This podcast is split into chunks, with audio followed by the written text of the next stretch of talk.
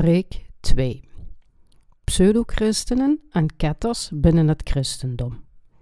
Jesaja hoofdstuk 28, vers 13 en 14.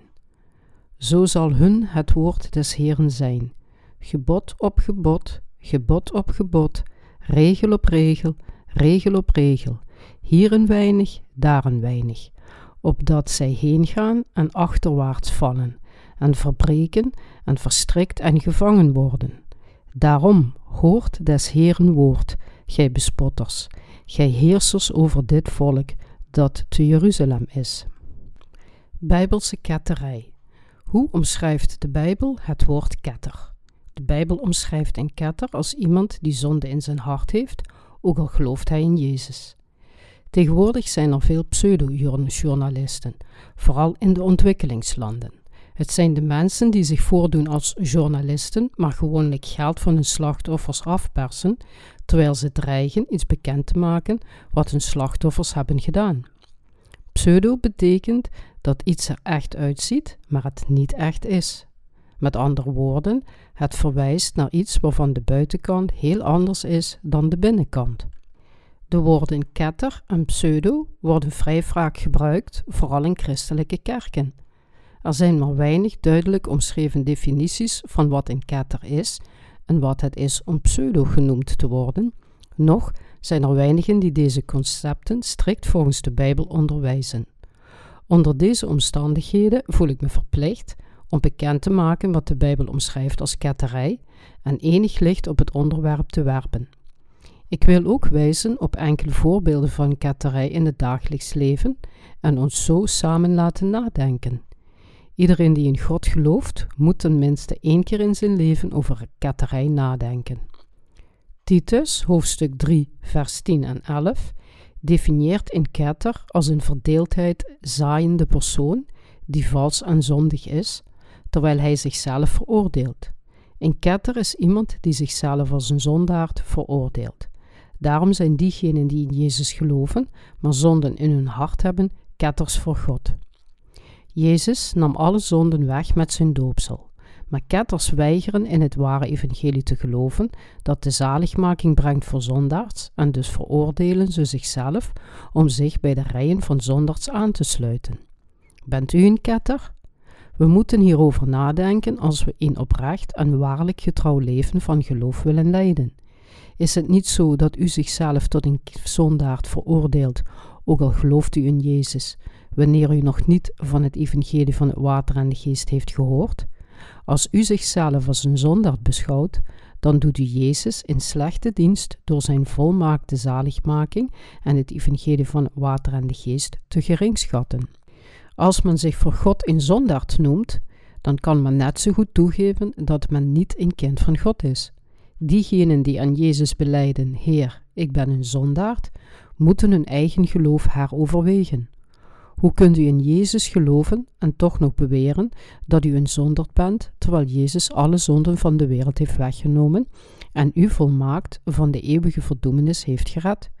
Hoe kunt u zijn graties, geschenk van zaligmaking ontkennen en uzelf als een zondaard omschrijven, terwijl Jezus al uw zonden door zijn doopsel wegnam en er grondig voor veroordeeld werd aan het kruis? Zulke mensen zijn ketters omdat zij vrijwillig zondaard zijn, los van het woord van God. U moet het evangelie van het water en de geest kennen om ketterij voor God te vermijden. Iedereen die in Jezus gelooft, maar niet wedergeboren is, is een ketter omdat hij nog steeds zonde in zijn hart heeft. Omdat God alle zonden van de wereld op zich nam, inclusief die van ons, zijn we ketters voor God als we deze zegen van de zaligmaking negeren. Omdat God heilig is, zijn we ketters als we zonden in ons hart hebben. Als we werkelijk rechtvaardig willen worden, moeten we in het evangelie van het doopsel van Jezus en zijn bloed aan het kruis geloven. De oorsprong van ketterij in de Bijbel. Wat is de belangrijkste vaardigheid van een priester? Dat hij wedergeboren is. Laten we eens kijken naar 1 Koningen, hoofdstuk 12, vers 25 en 26. Jerobeam nu bouwde Sichem op de gebergte van Ephraim en woonde daarin, en toog van daaruit en bouwde Penuel. En Jerobeam zeide in zijn hart, nu zal het koninkrijk weder tot het huis van David keren.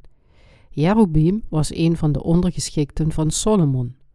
Toen Solomon later oneerlijk werd, stond Jerobeam op tegen de koning en later werd hij de koning van de tien stammen van Israël in de tijd van Rehoboam, de zoon van Solomon. Jerobeams eerste zorg toen hij koning van Israël werd, was dat zijn volk terug zou keren naar Judea waar de tempel was. Dus kwam hij met een idee om dit te vermijden. Hij maakte twee gouden kalveren in Bethel en Dan en gebood zijn volk om ze te aanbidden.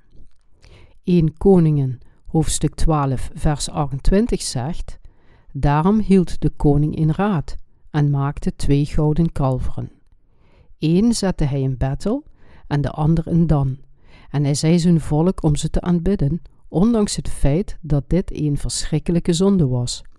Hij wees zelfs willekeurige priesters aan om de aanbidding te leiden. Na deze geschiedenis keerde zich Jerobeam niet van zijn bozen weg, maar maakte wederom priesters der hoogten van de geringsten des volks. Wie wilde, diens hand vulde hij en werd een van de priesters der hoogten.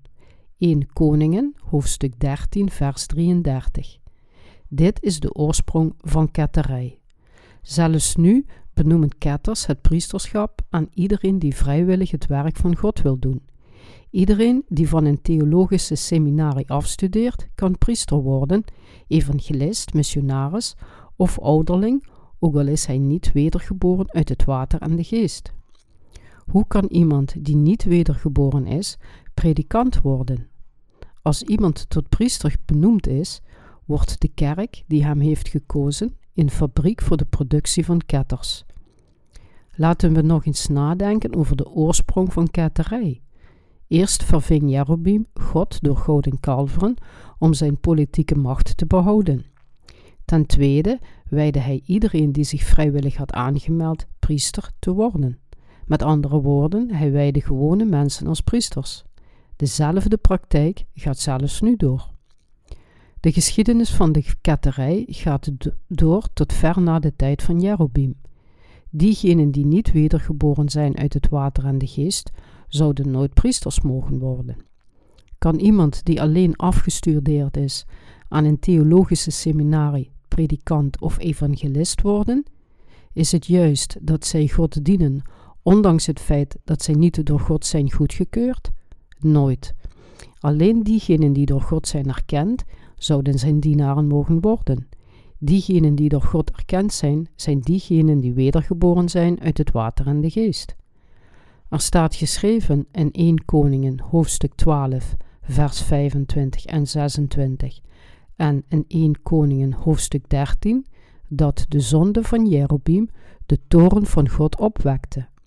We moeten dit verhaal allemaal kennen en als iemand het niet kent, moet hij teruggaan naar de Bijbel en erachter zien te komen. Denk er nog eens goed over na of u in uw dienst God met gouden kalveren vervangt. Legt u toevallig de nadruk op aardse zegeningen, opdat uw volgeling niet kunnen terugkeren naar het evangelie van de wedergeboorte uit het water en de geest? Vertelt u uw volgelingen dat zij genezen kunnen worden van hun ziektes als zij in Jezus geloven? Vertelt u ze dat zij gezegend zullen zijn in bezittingen?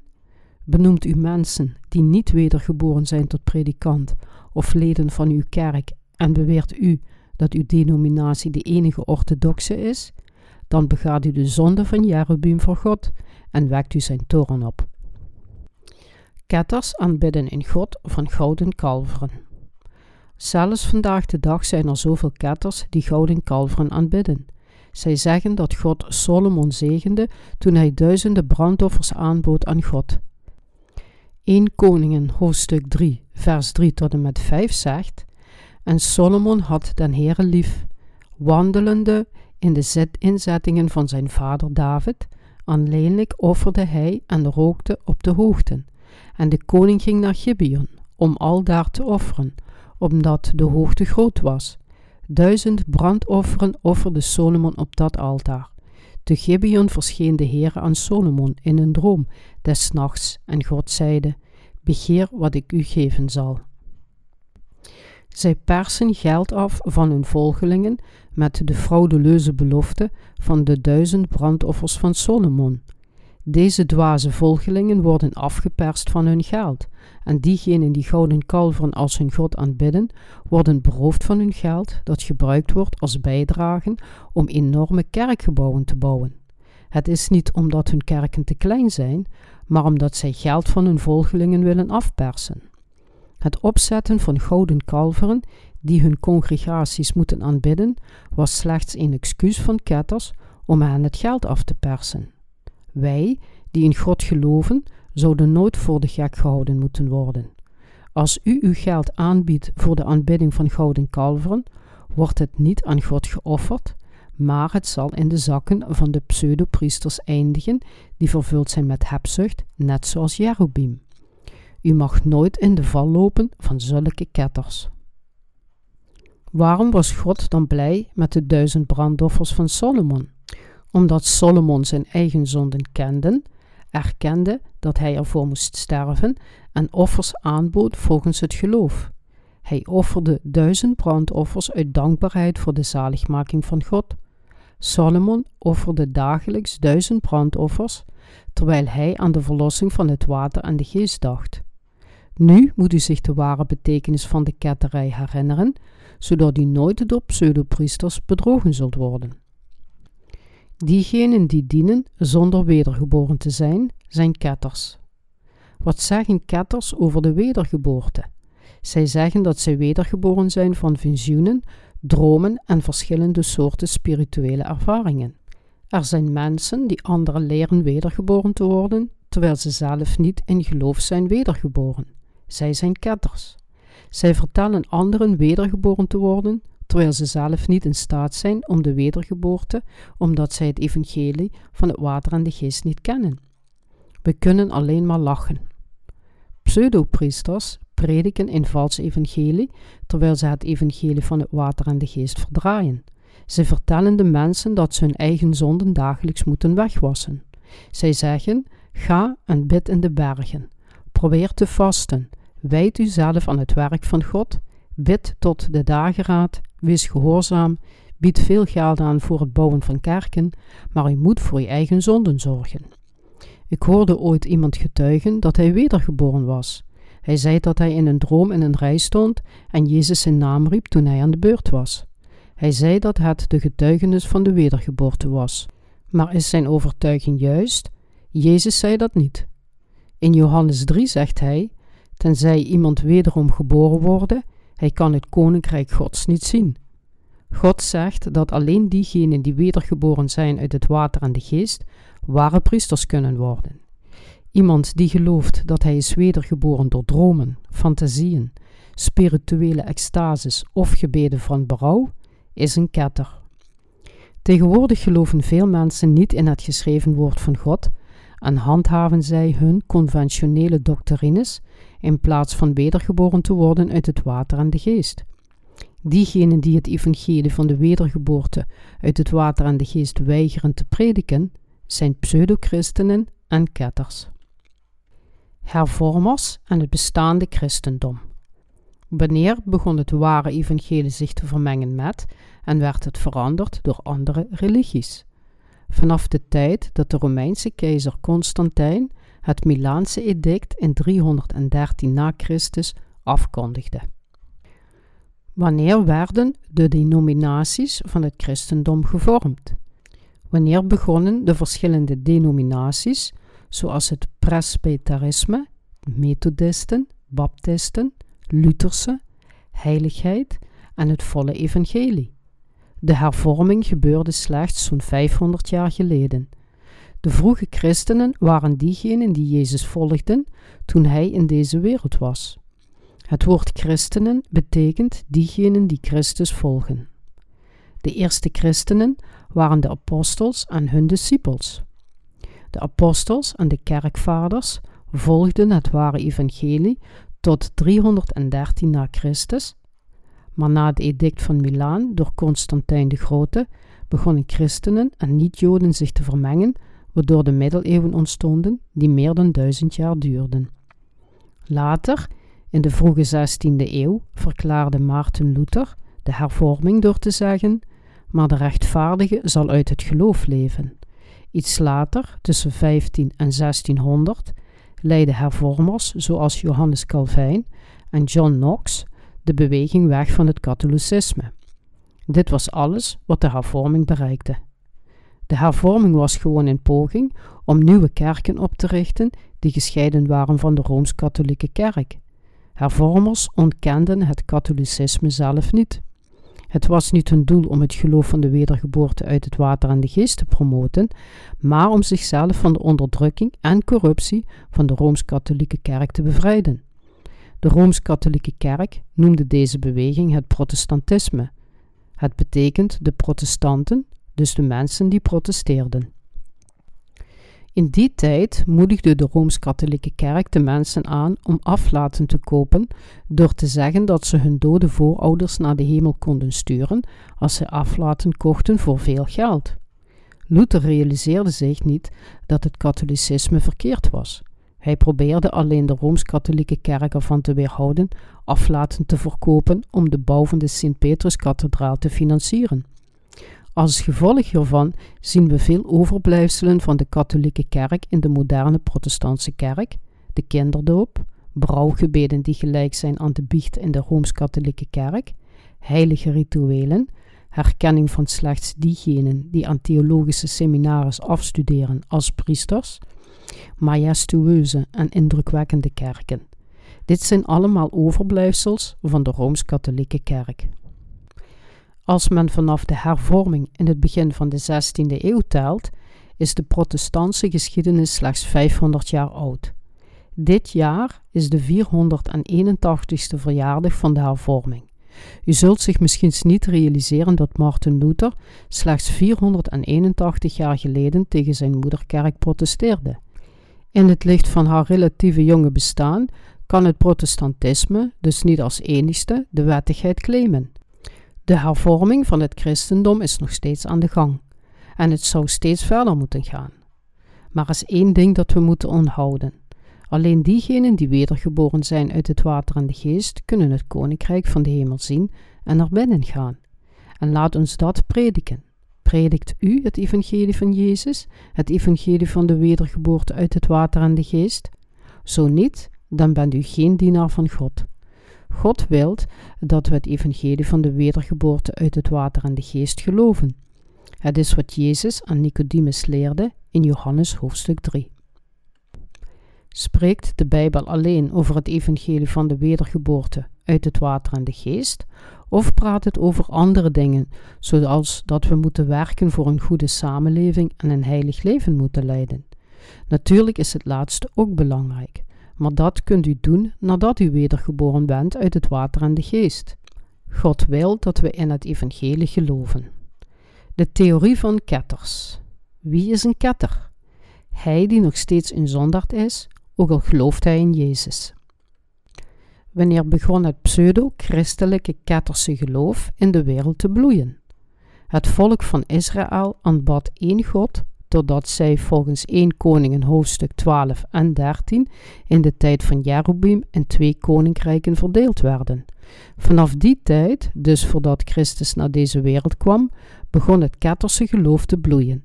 En tegenwoordig zijn er ook zoveel ketters.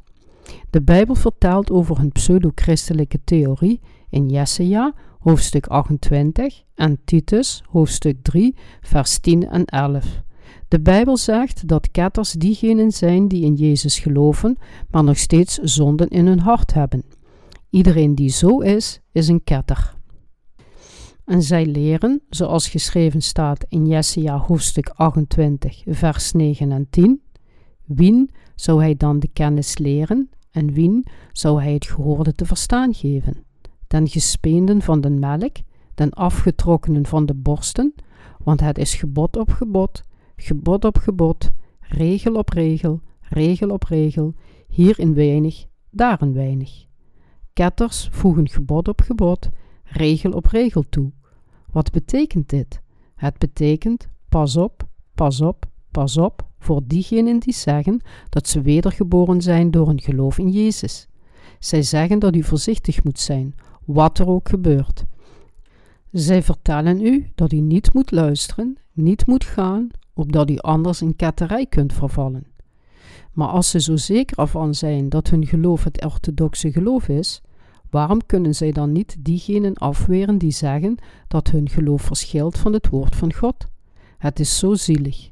Zij beweren dat ze orthodoxe christenen zijn, maar zij hebben niet de woorden om diegenen die zij ketters noemen te overwinnen. De ware christen kan iedere ketter met het woord van God overwinnen. Tegenwoordig keuren christenen die denken dat ze orthodox zijn, de wedergeboren af als ketters, alleen omdat hun geloof anders is. Hoe kunnen we ketters zijn als we in het evangelie van het water en de geest geloven? Als diegenen die ketters genoemd worden het evangelie van het water en de geest prediken, worden zij ware orthodoxe christenen. En als christenen die graag orthodox zouden willen zijn, niet het evangelie van het water en de geest prediken, dan zijn zij de ketters.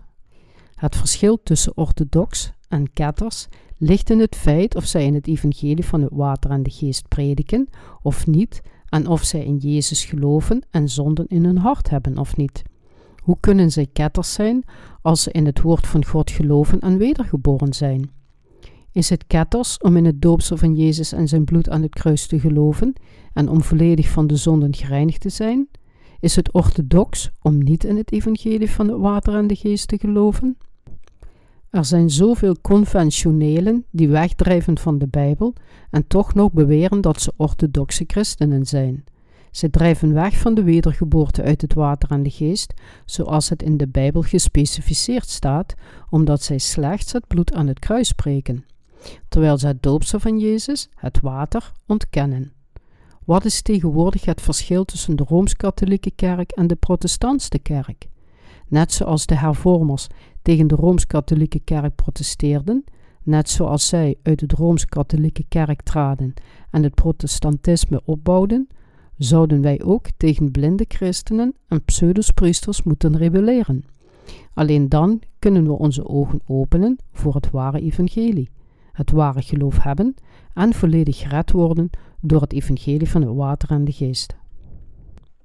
Wat moeten we doen om geen ketters te worden? We moeten wedergeboren worden uit het water en de geest. De Bijbel vertelt ons dat alleen diegenen die in het evangelie van het doopsel van Jezus en zijn bloed aan het kruis geloven, het ware geloof kunnen volgen. Jezus zei dit tegen Nicodemus in Johannes hoofdstuk 3, vers 1 tot en met 12. Ketters moedigen hun volgers altijd aan om vroom te zijn in hun geloof. Zij moedigen hen aan om tot de dageraad te bidden en harder te werken. Het is hetzelfde als dat men blinde mensen aanmoedigt om te gaan rennen. Het doet er niet toe hoe hard u bidt. Het is nutteloos als u niet wedergeboren bent uit het water en de geest. Als we zeggen dat diegenen die wedergeboren zijn uit het water en de geest de rechtvaardigen zijn, dan reageren de ketters daarop met Romeinen hoofdstuk 3 vers 10. Er is niemand rechtvaardig, ook niet één. Met dit vers bestempelen ze de gelovigen als ketters. Maar zij zijn de ketters. De ware betekenis van dit vers is niet zo eenvoudig als het klinkt. Deze ketters hebben niet de hele Bijbel gelezen.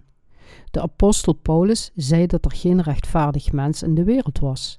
Hij citeerde slechts een vers van het Oude Testament dat zegt dat er niemand rechtvaardig is in de wereld voordat Jezus Christus kwam en de hele mensheid aan hun zonden verloste met de zaligmaking van God.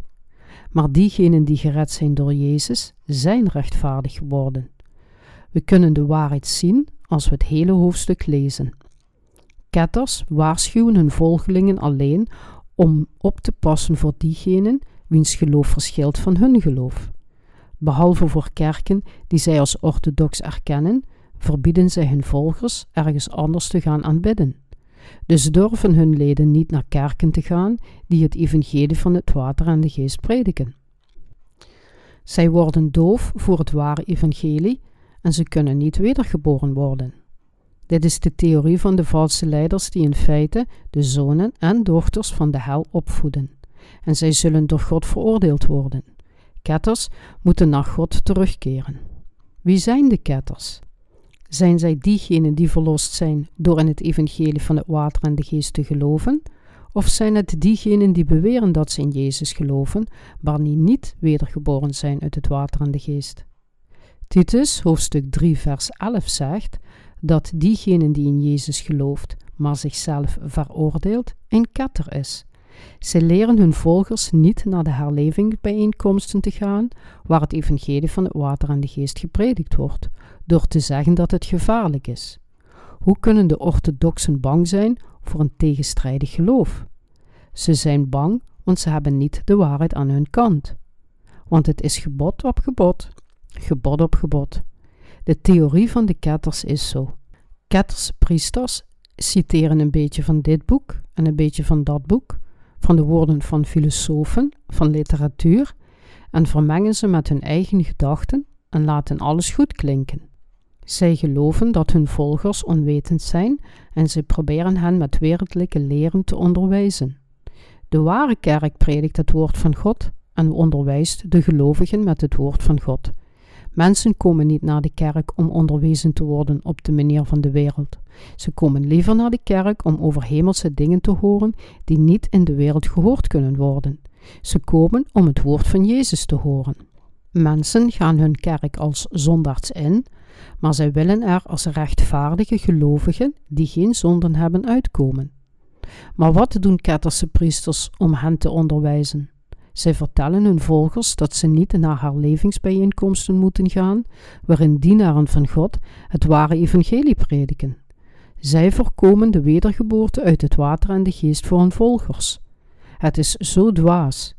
Zij zijn misschien in staat om hun volgers te bedriegen, maar ze kunnen nooit God bedriegen. Kunnen pseudopriesters hun volgelingen wedergeboren laten worden uit het water en de geest? Nee, slechts de wedergeborenen kunnen anderen wedergeboren laten worden. Ketters, als u ware dienaren van God bent, kunt u dan de verwijten van de geest niet horen? U moet terugkeren. U moet ermee ophouden uw volgers ervan te weerhouden de herlevingsbijeenkomsten te bezoeken, waarin de ware dienaren van God het evangelie van de wedergeboorte van het water en de geest prediken. Ketters onderwijzen hun volgers alleen maar met theologie, zodat zij verslagen zijn als zij andere theorieën tegenkomen. Het is zo zielig. Pseudopriesters zijn goed in het verzorgen van de mis zonder het woord van God. Zij prediken, adviseren en verzorgen de mis alleen op basis van hun eigen misleide oordeel. Zij die zonder het woord van God de mis verzorgen en prediken, zijn ketters en huurlingen. Johannes hoofdstuk 10, vers 13. Pseudopriesters zijn ketters omdat hun inwendige en uiterlijke persoonlijkheid verschillen. Sommige mensen omschrijven kerken die niet in de gevestigde denominaties passen als ketterse kerken. En sommige van deze kerken willen echter niet tot een denominatie behoren, omdat de meeste kerken ver van de Bijbel verwijderd zijn. Ketters vertellen hun volgers dat ze verlost moeten worden, ook al hebben zij zelf nooit het probleem van hun zonden opgelost. Zij begaan de zonden van Jerobeam. Als er iemand is die nog steeds zonde in zijn hart heeft, maar die de werken van God probeert te doen, die moet zich realiseren dat zijn zonden en de heiligheid van God uiterst tegenstrijdig zijn. Hij moet weten dat hij een ketter is. Iemand die in de kerk onderwijst en plichten heeft, maar nog steeds een zondaard is, moet zich daarom realiseren dat hij een ketter is. Hij is een ketter omdat hij het evangelie van de zaligmaking van Christus niet kent, het evangelie van de wedergeboorte uit het water en de geest. Als iemand de Bijbel leert van een ketter en het op dezelfde manier aan anderen leert, wordt hij ook een ketter. We kunnen de boom aan zijn vruchten herkennen. Diegenen die rechtvaardig zijn geworden door in het doopse van Jezus en zijn bloed te geloven, kunnen alleen de rechtvaardigen voortbrengen, terwijl diegenen die nog steeds zondaars zijn, verdoemd zijn om zondaars voort te brengen. Alzo in ieder goede boom brengt voort goede vruchten, en een kwade boom brengt voort kwade vruchten. Matthäus hoofdstuk 7, vers 17. Wat prediken ketterse priesters in hun preken? Wat prediken ketterse priesters in hun preken? Wereldlijke theologieën en menselijke gedachten. Valse priesters kijken uit voor dit en voor dat. Waarom zo voorzichtig? Ze moeten oppassen dat hun leugens niet bekend worden, want zij hebben niet het juiste geloof van de wedergeboorte uit het water en de geest. Ketters nemen een beetje hier en een beetje daar. Zij bedriegen mensen en onderwijzen zonder de ware betekenis van het evangelie te kennen. Gebod op gebod, gebod op gebod, regel op regel, regel op regel, hier een weinig, daar een weinig.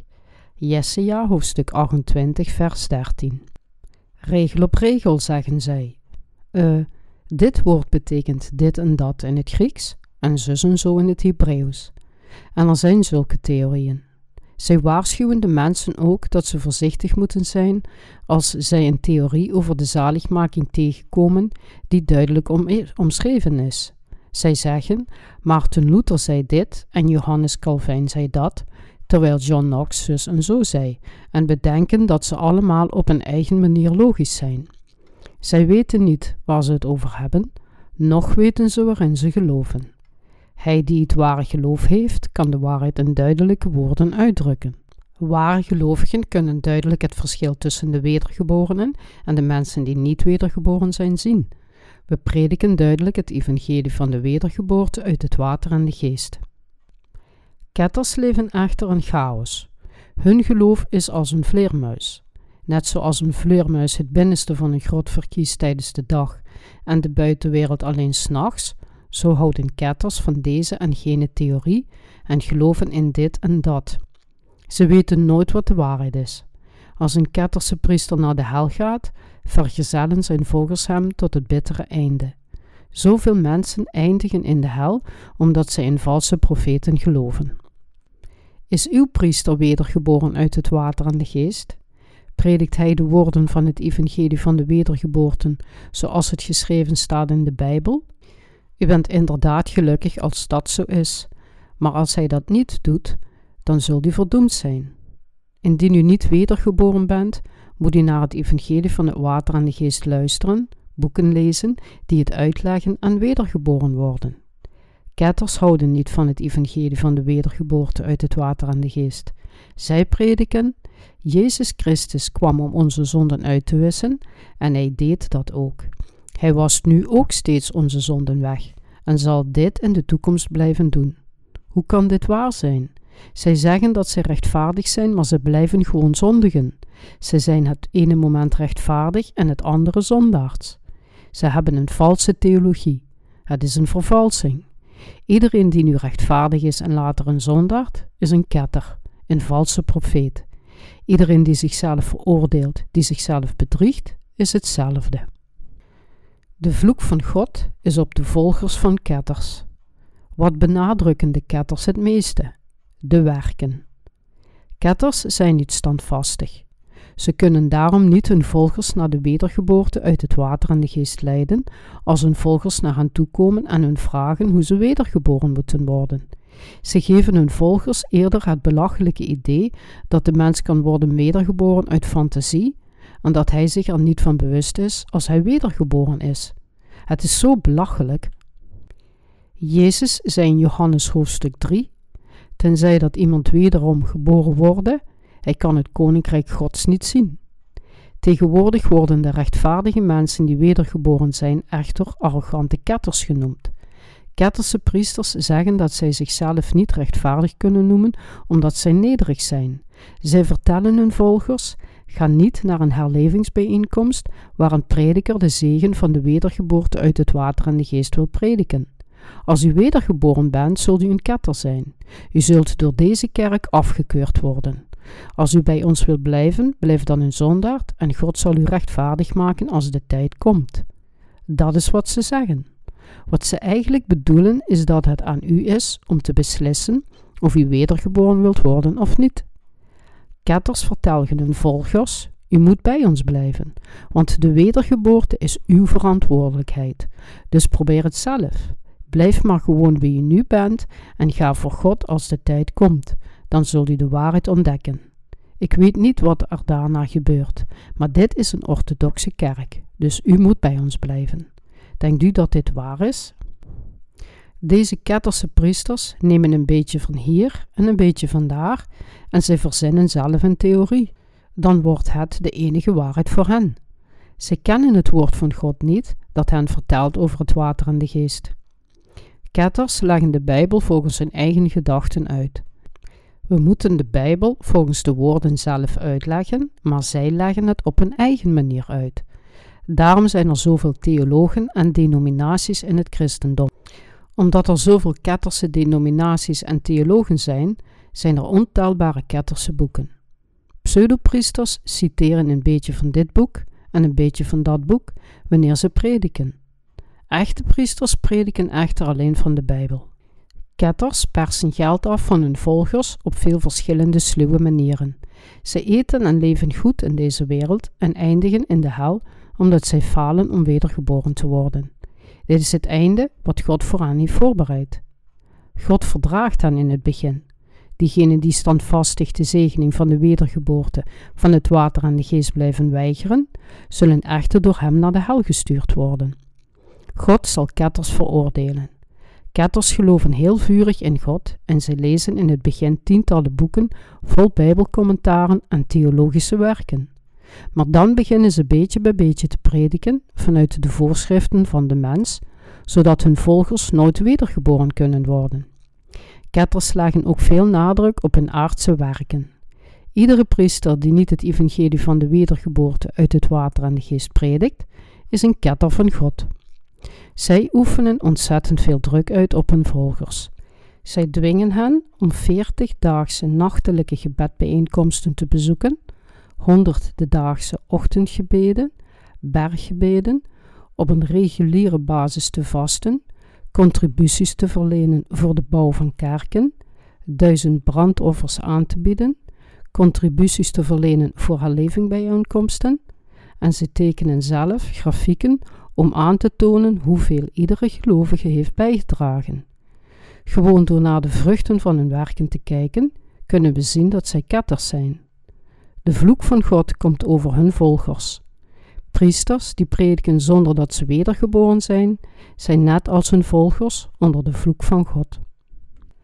Ketters proberen de gedachten van hun volgers te lezen. Waarom proberen ketterse priesters de gedachten van hun volgers te lezen? Omdat zij niet wedergeboren zijn, maar met huichelarij dienen en zonder de geest in hun hart. Ketterse priesters huilen dagelijks. Ze moeten er zeker van zijn dat ze senioren diaken en diakonessen, ouderlingen, gewone diakens en zelfs de leken behagen.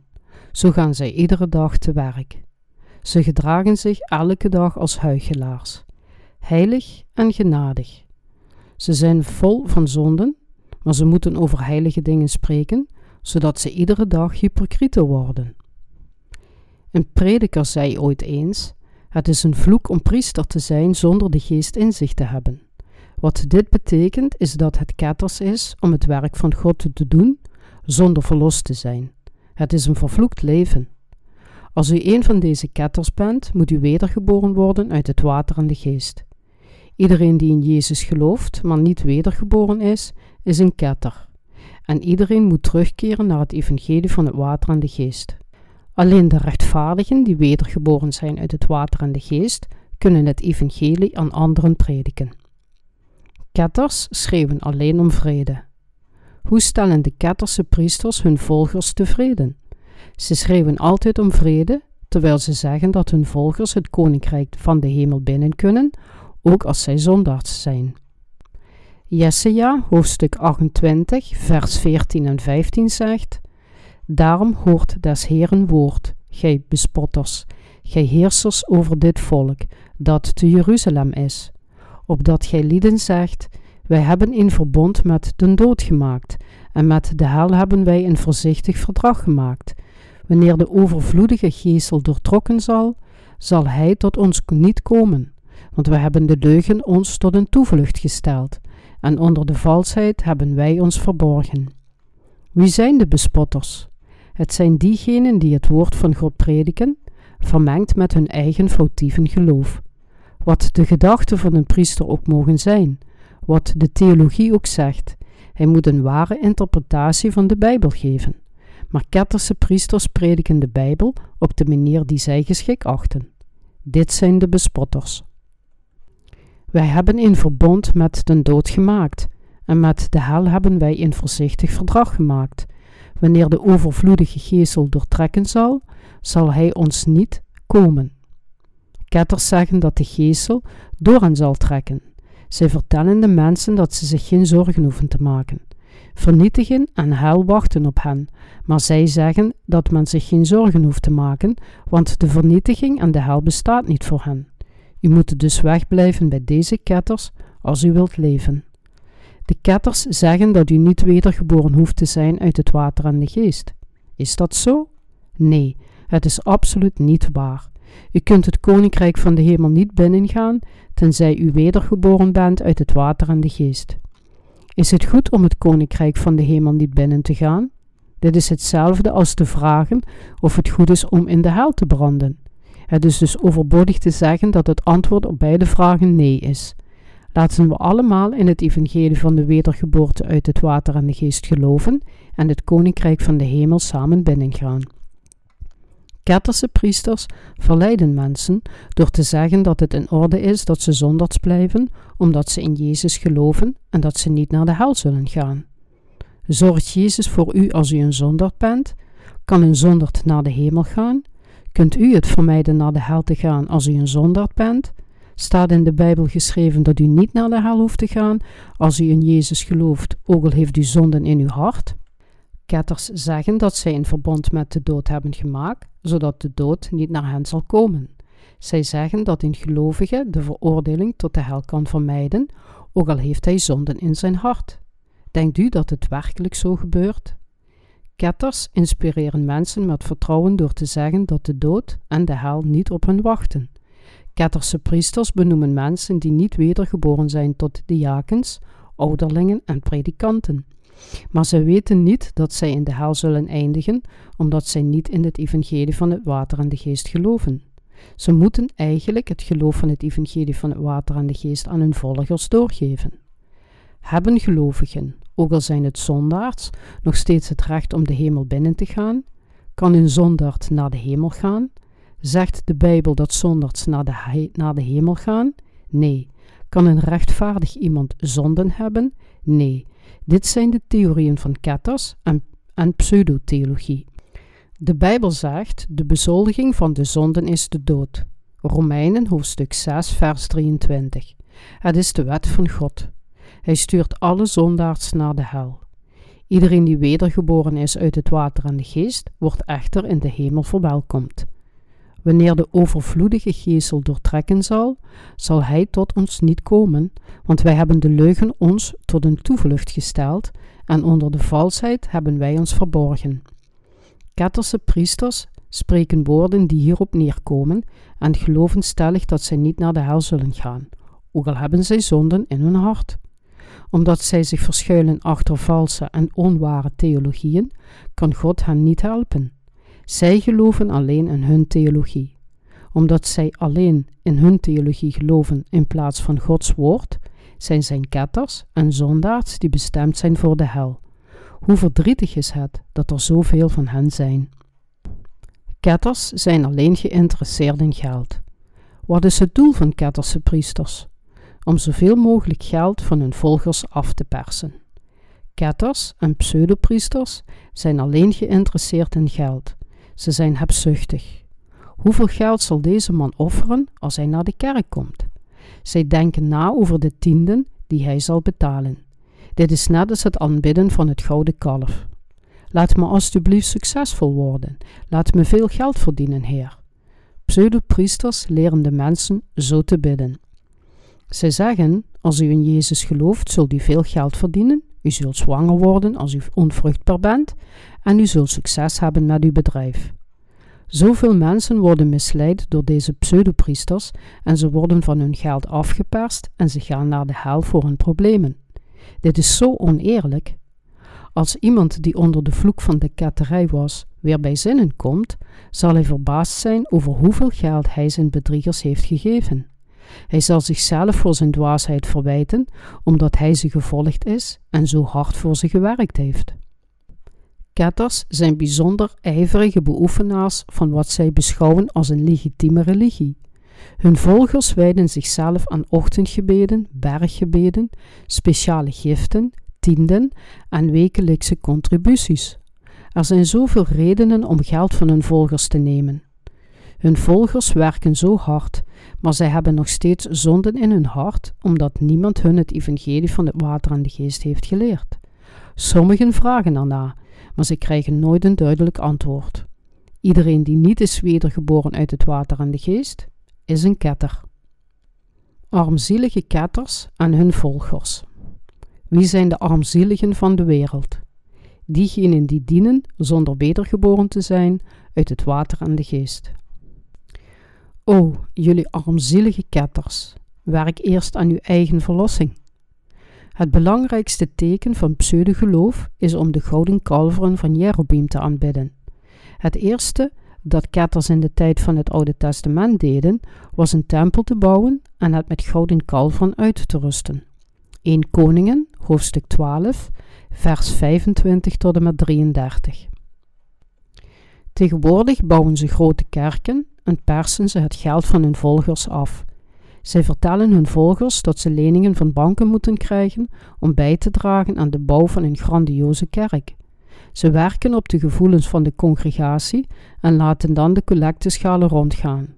Geld, ringen en gouden horloges vullen de schaal op tijd van niets. Ketters werken op dezelfde manier. Het is hetzelfde in alle ketterse kerken. Naar buiten toe lijken ze geïnteresseerd in geestelijke dingen, maar in werkelijkheid zijn ze alleen maar geïnteresseerd in geld. Ik raad u aan om van de kerken die alleen om geld vragen weg te blijven. Gaat alstublieft niet naar kerken waar alleen de rijken hartelijk worden behandeld. Het is verkeerd om het bedrag van het geldoffer van elke congregatielid publiek te maken, omdat zij dit doen in de hoop om meer geld te ontvangen. Ketters zeggen verleidelijke woorden tot hun volgers. U zult gezegend zijn als u in Jezus gelooft. Wijd u zelf aan de werken van God. Hoe meer u doet, hoe meer u gezegend zult zijn. Als u dient als ouderling, zult u materieel gezegend zijn. Als gevolg hiervan strijden hun volgers met elkaar om ouderling te worden. Zou iemand als ouderling willen dienen als er geen compensatie was? En van de ouderlingen wordt ook verwacht dat ze een financiële bijdrage leveren. Worden zij verkozen op basis van hoe diep zij in de doctrine van de denominatie geloven, hoe prominent zij in de maatschappij zijn en hoeveel geld zij kunnen bijdragen tot de kerk? Ja, dit is waar. Ketters geven alleen maar om geld. Ze zijn geïnteresseerd in het bouwen van grote kerken. Het interesseert hen niet dat hun volgers naar de hel gaan, zolang zij maar geld offeren. Ketters zijn diegenen die werken voor brood. Zij strikken hun ketters met schitterende titels. Ze verlenen de titels willekeurig aan hun volgers. Ezekiel, hoofdstuk 13, vers 17 tot en met 19. Zij doen dit om hen aan de kerk te binden en de rijkdom van de kerk te vergroten. Ketters prediken niet het evangelie van het water en de geest. Zij proberen zichzelf gewoon te verrijken. Zelfs iemand die pas een paar maanden naar de kerk komt, kan een diaken worden. Bovendien wordt hij tot ouderling verheven als hij goed bekend is met de doctrine en een goede financiële achtergrond heeft. Dit gebeurt allemaal in de schandelijke traditie van de zonde van Jerobim, die God verving met een gouden kalf. Ketters aanbidden gouden kalveren. Zij helpen hun mensen niet om wedergeboren te worden. Zij nemen alleen het geld van hun volgers door ze met beloften van wereldlijke zegens te verleiden. Het interesseert hen niet of hun volgers verdoemd zijn tot de hel, zolang hun kerk maar een goede financiële basis heeft. Ketters missen overtuiging in hun preken. Ketters houden ervan om vaak waarschijnlijk, of misschien te zeggen, omdat zij geen overtuiging hebben in wat ze zeggen. Zij hebben geen geloof in het woord van God en zij geloven niet werkelijk in wat zij prediken. Hun geloofssysteem ligt niet binnen het geloof in het woord van God. Zij zeggen, men kan zeggen dat. Zij spreken nooit duidelijk en met overtuiging. Het zou beter zijn als zij hun volgelingen helemaal niets leren in plaats van hun leugens te leren. Ketters kunnen de mensen niet naar de wedergeboorte uit het water en de geest leiden. Zij veroordelen juist meer mensen tot de hel. Ketters spelen de rol van valse profeten. Wat is godlastering tegen de geest? Om in Jezus te geloven, terwijl men als een zondaard leeft die niet in zijn doopsel gelooft. Matthäus hoofdstuk 7 vertelt ons over diegenen die in Jezus geloven en in de hel eindigen. Ketters zullen voor God op de laatste dag protesteren. Zoals geschreven staat in de Bijbel, velen zullen ten dien dagen tot mij zeggen, Heere, Heere, hebben wij niet in uw naam geprofiteerd en in uw naam duivelen uitgeworpen en in uw naam vele krachten gedaan? En dan zal ik, hun openlijk aanzeggen, ik heb u nooit gekend, gaat weg van mij, gij die de ongerechtigheid werkt. Matthäus hoofdstuk 7, vers 22 en 23. Zij geloven niet dat Jezus alle zonden van de mensheid wegwaste. Zij geloven niet in het evangelie van het water en de geest. Zij praktiseren wetteloosheid. Wat betekent dit? Het betekent dat zij mensen vertellen in Jezus te geloven, terwijl zij nog steeds zonden in hun hart hebben.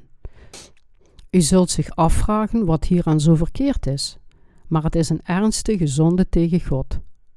Als een zondaard aan andere mensen het noodzakelijke predikt om in Jezus te geloven, kan hij hen niet naar de wedergeboorte leiden, omdat hij zelf niet is wedergeboren uit het water en de geest. Daarom brengen ketters alleen maar zondaars voort die in Jezus geloven. Het is een zonde tegen de geest om wetteloosheid te praktiseren. Ketters geloven niet in het woord van God, noch prediken zij het evangelie zoals het geschreven staat.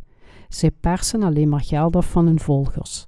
Het zijn zondaards, ook al geloven ze in Jezus. Zij proberen anderen te leiden, terwijl ze zelf niet wedergeboren zijn. Zo praktiseren zij wetteloosheid. Ketters zijn slechts bleke imitaties van de rechtvaardigen. Hoe kunnen we de wedergeborenen van de anderen onderscheiden? We kunnen de wedergeboren onderscheiden door te testen of ze zonden hebben of niet. Laat u niet door deze valse predikers die zeggen dat zij zonderd zijn bedriegen. Geef hun geen geld. Geef niet uw zwaar verdiende geld aan deze zondaars. Waarom zou u geld moeten geven aan deze predikers die u niet met uw zonden kunnen helpen? Als u uw geld aan de kerk wilt geven, wacht dan tenminste totdat uw zonden uitgewist zijn door het evangelie van het water en de geest. Net zoals er imitaties in de kunst zijn, zo zijn er ook imitaties in het leven. Er zijn bijvoorbeeld imiterende religies die niet alle zonden van het hart kunnen wegwassen. Hoe kunt u een imiterende religie identificeren? Een imitatie is iets dat er van de buitenkant echt uitziet, maar in feite ver van echt is. U moet dat zelf beslissen. Wie zijn de ware predikers? Wie zijn de ketters? Wat is het orthodoxe geloof? De orthodoxen geloven in Jezus en zijn verlossende kracht. Ze hebben geen zonden in hun hart, maar ketters hebben zonden in hun hart. Zijn alle mensen dan als ketters? Dat kan, maar laat ons terugkeren naar de Bijbel. Iedereen die in Jezus gelooft en niet is wedergeboren is een ketter. Het is duidelijk dat de wedergeboren orthodox zijn. Diegenen die niet wedergeboren zijn, zijn ketters. Ketters zijn mensen die in Jezus geloven, maar nog altijd zonden in hun hart hebben. Ketters zijn de bleke imitaties van de rechtvaardigen. Ze weten misschien dat ze in Jezus moeten geloven om geheiligd te worden, maar helaas hebben zij nog steeds zonden in hun hart. Zij vinden zichzelf zondaards. Zij beweren dat zij nog steeds naar de hemel kunnen gaan en zij zeggen dat zij God aanbidden. Het klinkt alsof ze rechtvaardig zijn, maar laat ons niet misleid worden door imitaties. Ketters staat het oordeel van God te wachten. Waarom is het pure evangelie veranderd? Omdat valse priesters en ketters het foutieve geloof van de mens vermengd hebben met het pure evangelie. Daarom spreekt de Heere, Heere der Heerscharen, de machtigen Israëls, o wee, ik zal mij troosten van mijn wederpartijders, ik zal mij wreken van mijn vijanden, en ik zal mijn hand tegen u keren, en ik zal uw schuim op het allerreinste afzuiveren, en ik zal u al mijn tin wegnemen.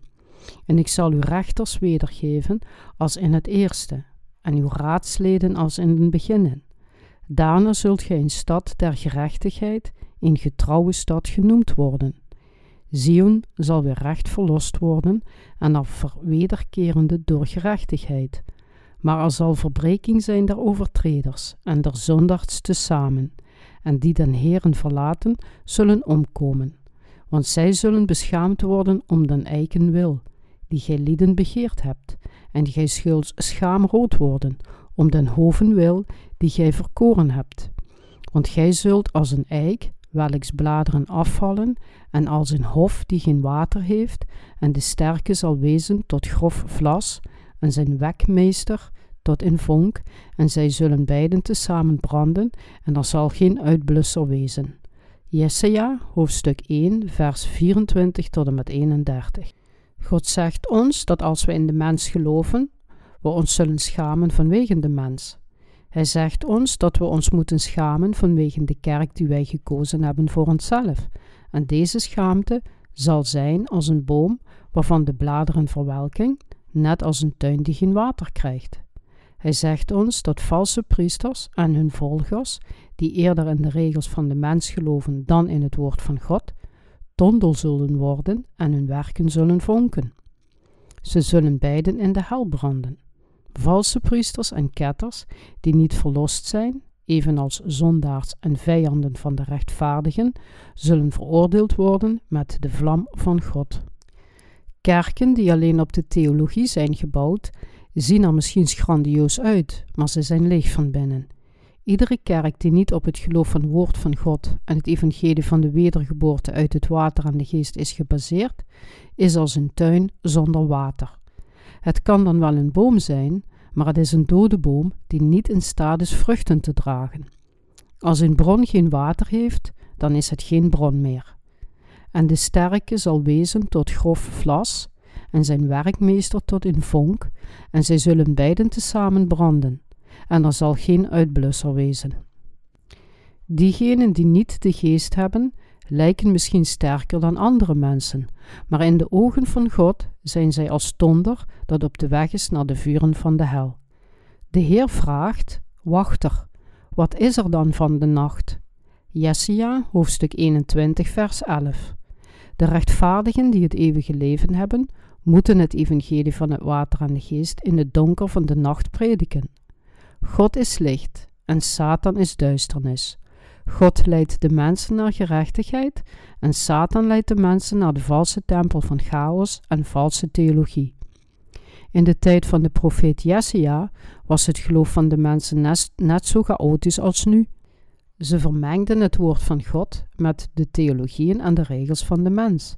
Zij misleiden de mensen van Israël met de chaotische producten van de mens, zodat God besloot zich van hen te ontdoen. Ik zal al uw tin wegnemen, en ik zal uw rechters wedergeven als in den eerste, en uw raadsleden als in den beginnen. De offers die door God niet geaccepteerd zullen worden, zijn net als een legering, een mengsel van Gods waarheid en de theorieën van de mens. God accepteert nooit offers die gemengd zijn. Zij zien er misschien puur uit voor het menselijk oog, maar als zij vermengd zijn met het verkeerde geloof van de mens, dan zijn ze vermengd met onreinheden en zijn dus niet acceptabel voor God. God berispte de mensen van Israël, vooral de ketters, pseudopredikers en zondaars. Als we Exodus of Numeri lezen, kunnen we zien dat God ze in het begin niet berispte. God hielp het volk van Israël en zegende hen. Maar na Joshua's dood en rechteren werd Israël binnengevallen. Het volk van Israël koos er echter voor hun eigen weg te gaan. In die tijd zond God de profeet Jeremia en zei tegen Israël dat ze zich moesten overgeven aan Babylon. Jeremia zei tegen het volk dat ze zich aan Babylon moesten overgeven. Dit heeft een geestelijke betekenis, waarmee het feit gesymboliseerd wordt dat de rechtvaardigen, diegenen die ketters volgen, vertellen dat ze zich moeten overgeven aan het evangelie van het water en de geest. God berispt ketters. Waarom berispt God ketters? Omdat zij afgoden aanbidden in plaats van God. Waarom berispten de dienaren van God het volk van Israël? Omdat zij het offeringssysteem veranderden, gewone mensen als priesters aanstelden en de datums van het offeren veranderden.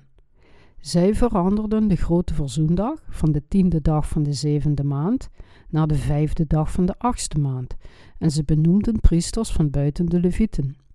Aldus blokkeerden zij de weg naar de wedergeboorte. God berispte de valse predikers. Diegenen die gouden kalveren dienden in plaats van God, werden ketterse priesters. God berispte hen, in feite, niet alleen voor het aanbidden van afgoden. Aanbidden wij ook niet af en toe afgoden? We zondigen zo vaak, maar onze ongerechtigheden worden niet beschouwd als ernstige zonden, alleen omdat we in de genade van God zijn. Maar God vervangen door gouden kalveren kan niet vergeven worden. En hetzelfde geldt voor het veranderen van het offeringssysteem en het aanstellen van gewone mensen voor het priesterschap. Wat zijn dit verschrikkelijke zonden? Het zijn de meest ernstige zonden. Hoe kan iemand vergeven worden als hij God inruilt voor gouden kalveren?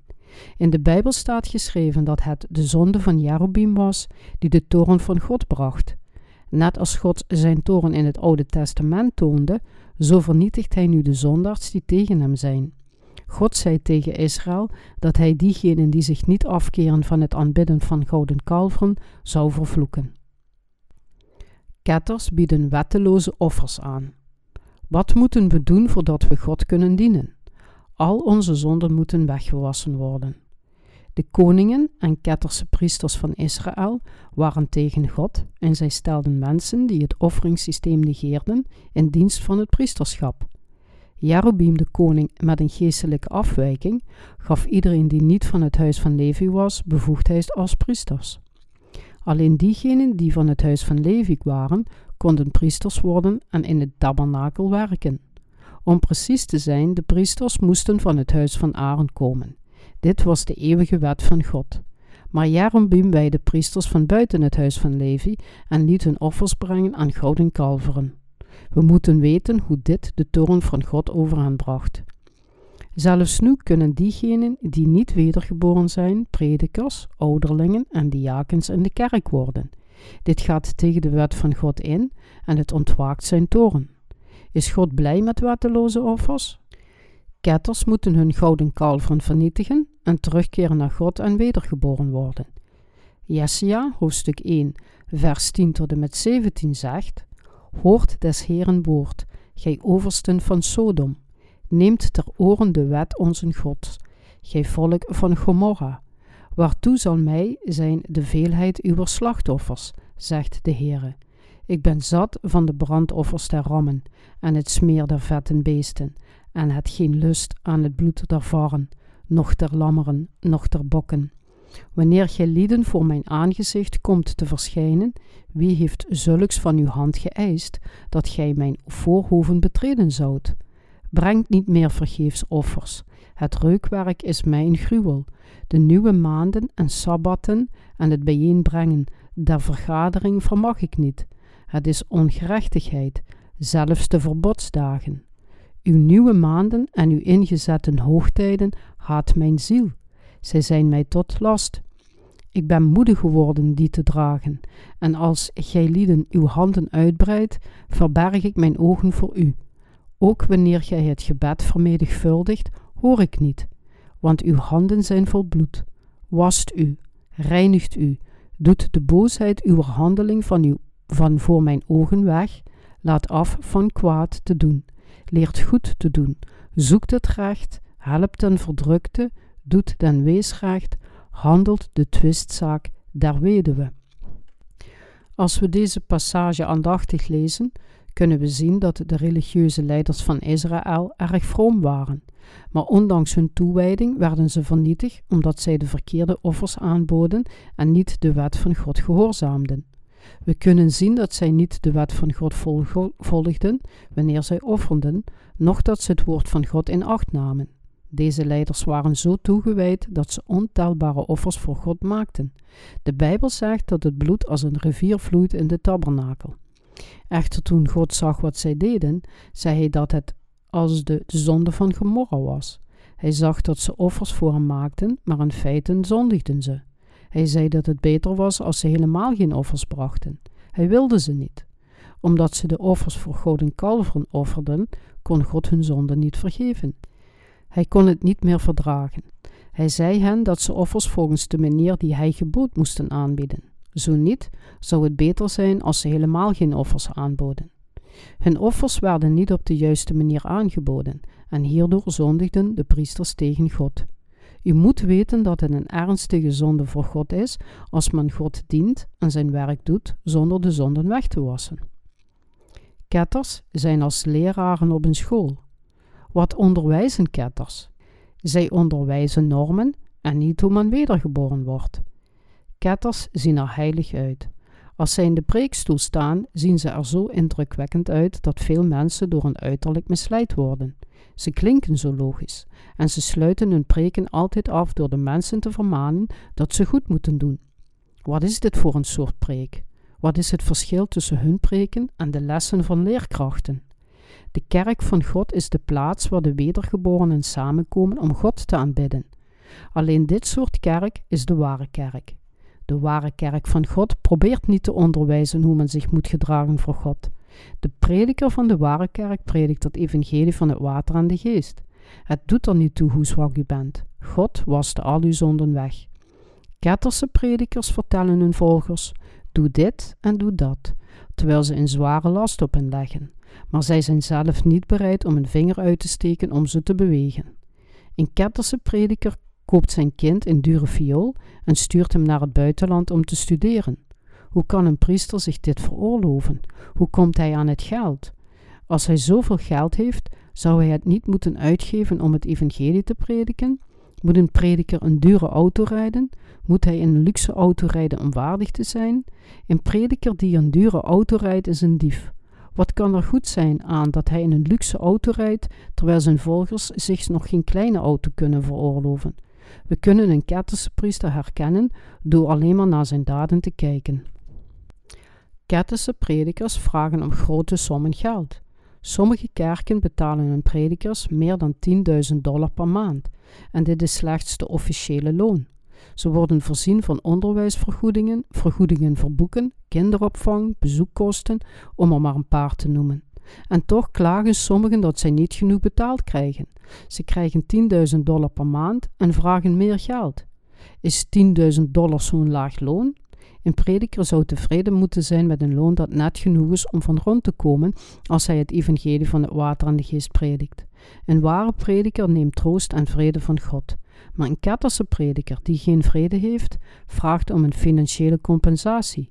Zulke prekers aanbidden in feite gouden kalveren. De kerk van God wordt soms Zion genoemd. Er is geen kerk zo prachtig als Zion.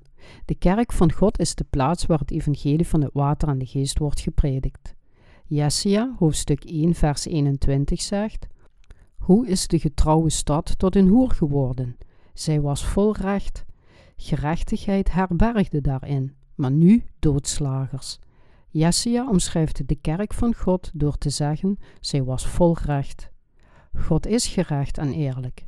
Omdat we onvolmaakt zijn, omdat we de nakomelingen van Adam zijn en geboren om te zondigen, kwam Jezus naar deze wereld om onze zonden met het water en de geest weg te wassen. Zo eerlijk is God. In het Oude Testament kwamen de mensen naar God en boden offers aan wanneer ze wisten dat ze ontoereikend waren. Ik heb op die en die manier verkeerd gehandeld. Ik was fout. Dan werden zij vergeven voor een dagelijkse zonden en zij konden ook de vergeving van de zonden van een jaar krijgen op de grote verzoendag. In het Nieuwe Testament kwam Jezus Christus naar deze wereld en werd gedoopt en gekruisigd om de zonden van de mensheid op dezelfde manier voor eens en altijd weg te wassen. Maar tijdens de nieuwjaarsmis huilen en beleiden veel mensen: Lieve God, vergeef me alstublieft voor de zonden die ik vorig jaar heb begaan en zegen me alstublieft voor het nieuwe jaar. Deze mensen zijn ketters. Wat is dan de waarheid van de wedergeboorte uit het water en de geest? Jezus kwam ongeveer 2000 jaar geleden naar deze wereld, waste de zonde van de mensheid voor eens en altijd weg en redde ons al dus voor altijd van de zonden. Hij redde ons van alle zonden van de wereld met het water en het bloed. Maar als we iedere dag om vergeving vragen, wat zou hij dan zeggen? Hoe is de getrouwe stad tot een hoer geworden? Zij was vol recht, gerechtigheid herbergde daarin, maar nu doodslagers. Iedereen die zichzelf een zonderd noemt, is een ketter. Ketterse priesters kunnen het evangelie van de wedergeboorte uit het water en de geest niet prediken. Hoort God de gebeden van zondaars? Nee, hij kan ze niet horen omdat hun zonden ze van God scheidt. Onze God noemt diegenen die in Hem geloven en die om vergeving vragen moordenaars. Verwachten ze dat Jezus terugkomt en nog een keer voor hun zonden sterft, omdat zij om de vergeving vragen en zeggen dat zij zondaard zijn? Het doopsel van het kruis van Jezus zijn de realiteit van de zaligmaking. In 1 Petrus hoofdstuk 3 vers 21 staat dat het doopsel van Jezus het tegenbeeld is van onze zaligmaking. Jezus Christus stierf één keer om de mensheid van de zonden te redden. Hij waste alle zonden van de mensheid voor eens en altijd weg en hij rees drie dagen later van de dood. Nu zit hij aan de rechterhand van God. Jezus Christus werd één keer gedoopt en stierf één keer aan het kruis om ons van altijd van de zonden te redden. Hij werd gedoopt door Johannes de Doper toen hij dertig jaar was. Hij stierf één keer om ons van alle zonden van de wereld te redden. Betekent dit niet dat er voor altijd een oordeel is gegeven? Als ketters zeggen dat zij nog steeds zondaard zijn, dan vragen ze hem om een tweede keer naar deze aarde te komen en opnieuw gekruisigd te worden. Hij zou dat in feite elke keer moeten blijven doen als zij om vergeving vragen. Diegenen die met hun hart in het evangelie van het water en de geest geloven, zijn voor altijd van de zonde gered, worden rechtvaardig, gaan naar de hemel om Gods zegening en het eeuwige leven te ontvangen. Iedereen die de rechtvaardigen ontmoet, kan gered worden door het water en de geest, en hij of zij kan een van de gezegende mensen van God worden. Iedereen die de rechtvaardige zaligmaking voor God vraagt, zal gezegend worden.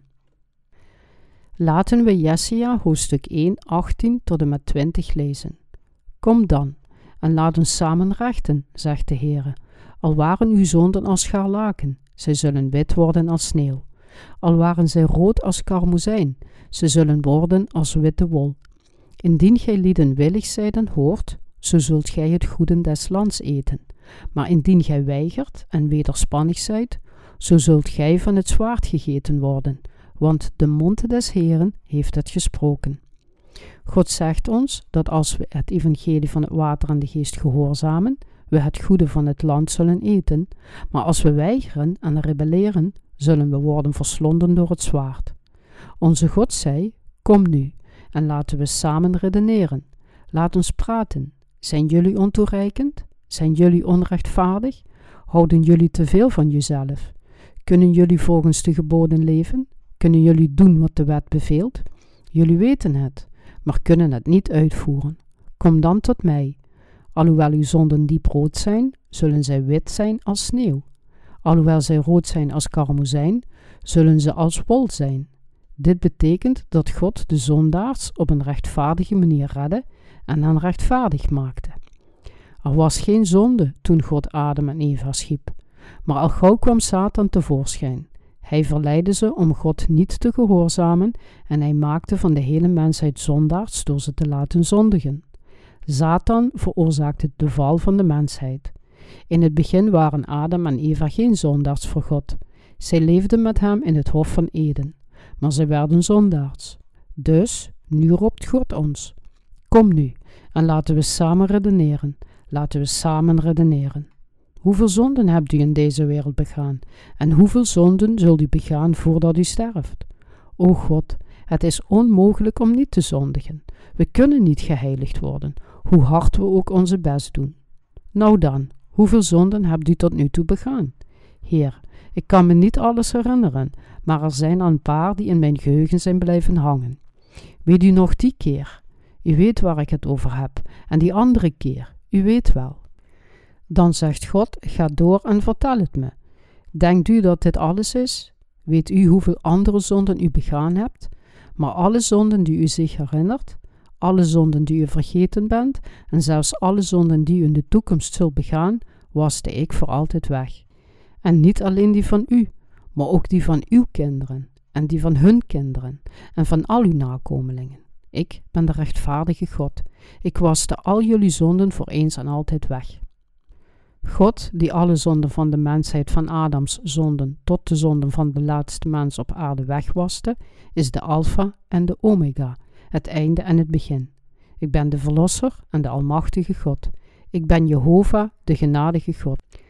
Ik zal genade hebben met diegenen die genade verdienen, en ik zal medelijden hebben met diegenen die medelijden verdienen. Als we ons zijn genade vragen en eerlijk zijn met Hem, kunnen we Gods medelijden hebben. Onze Vader wil ons allemaal zegenen.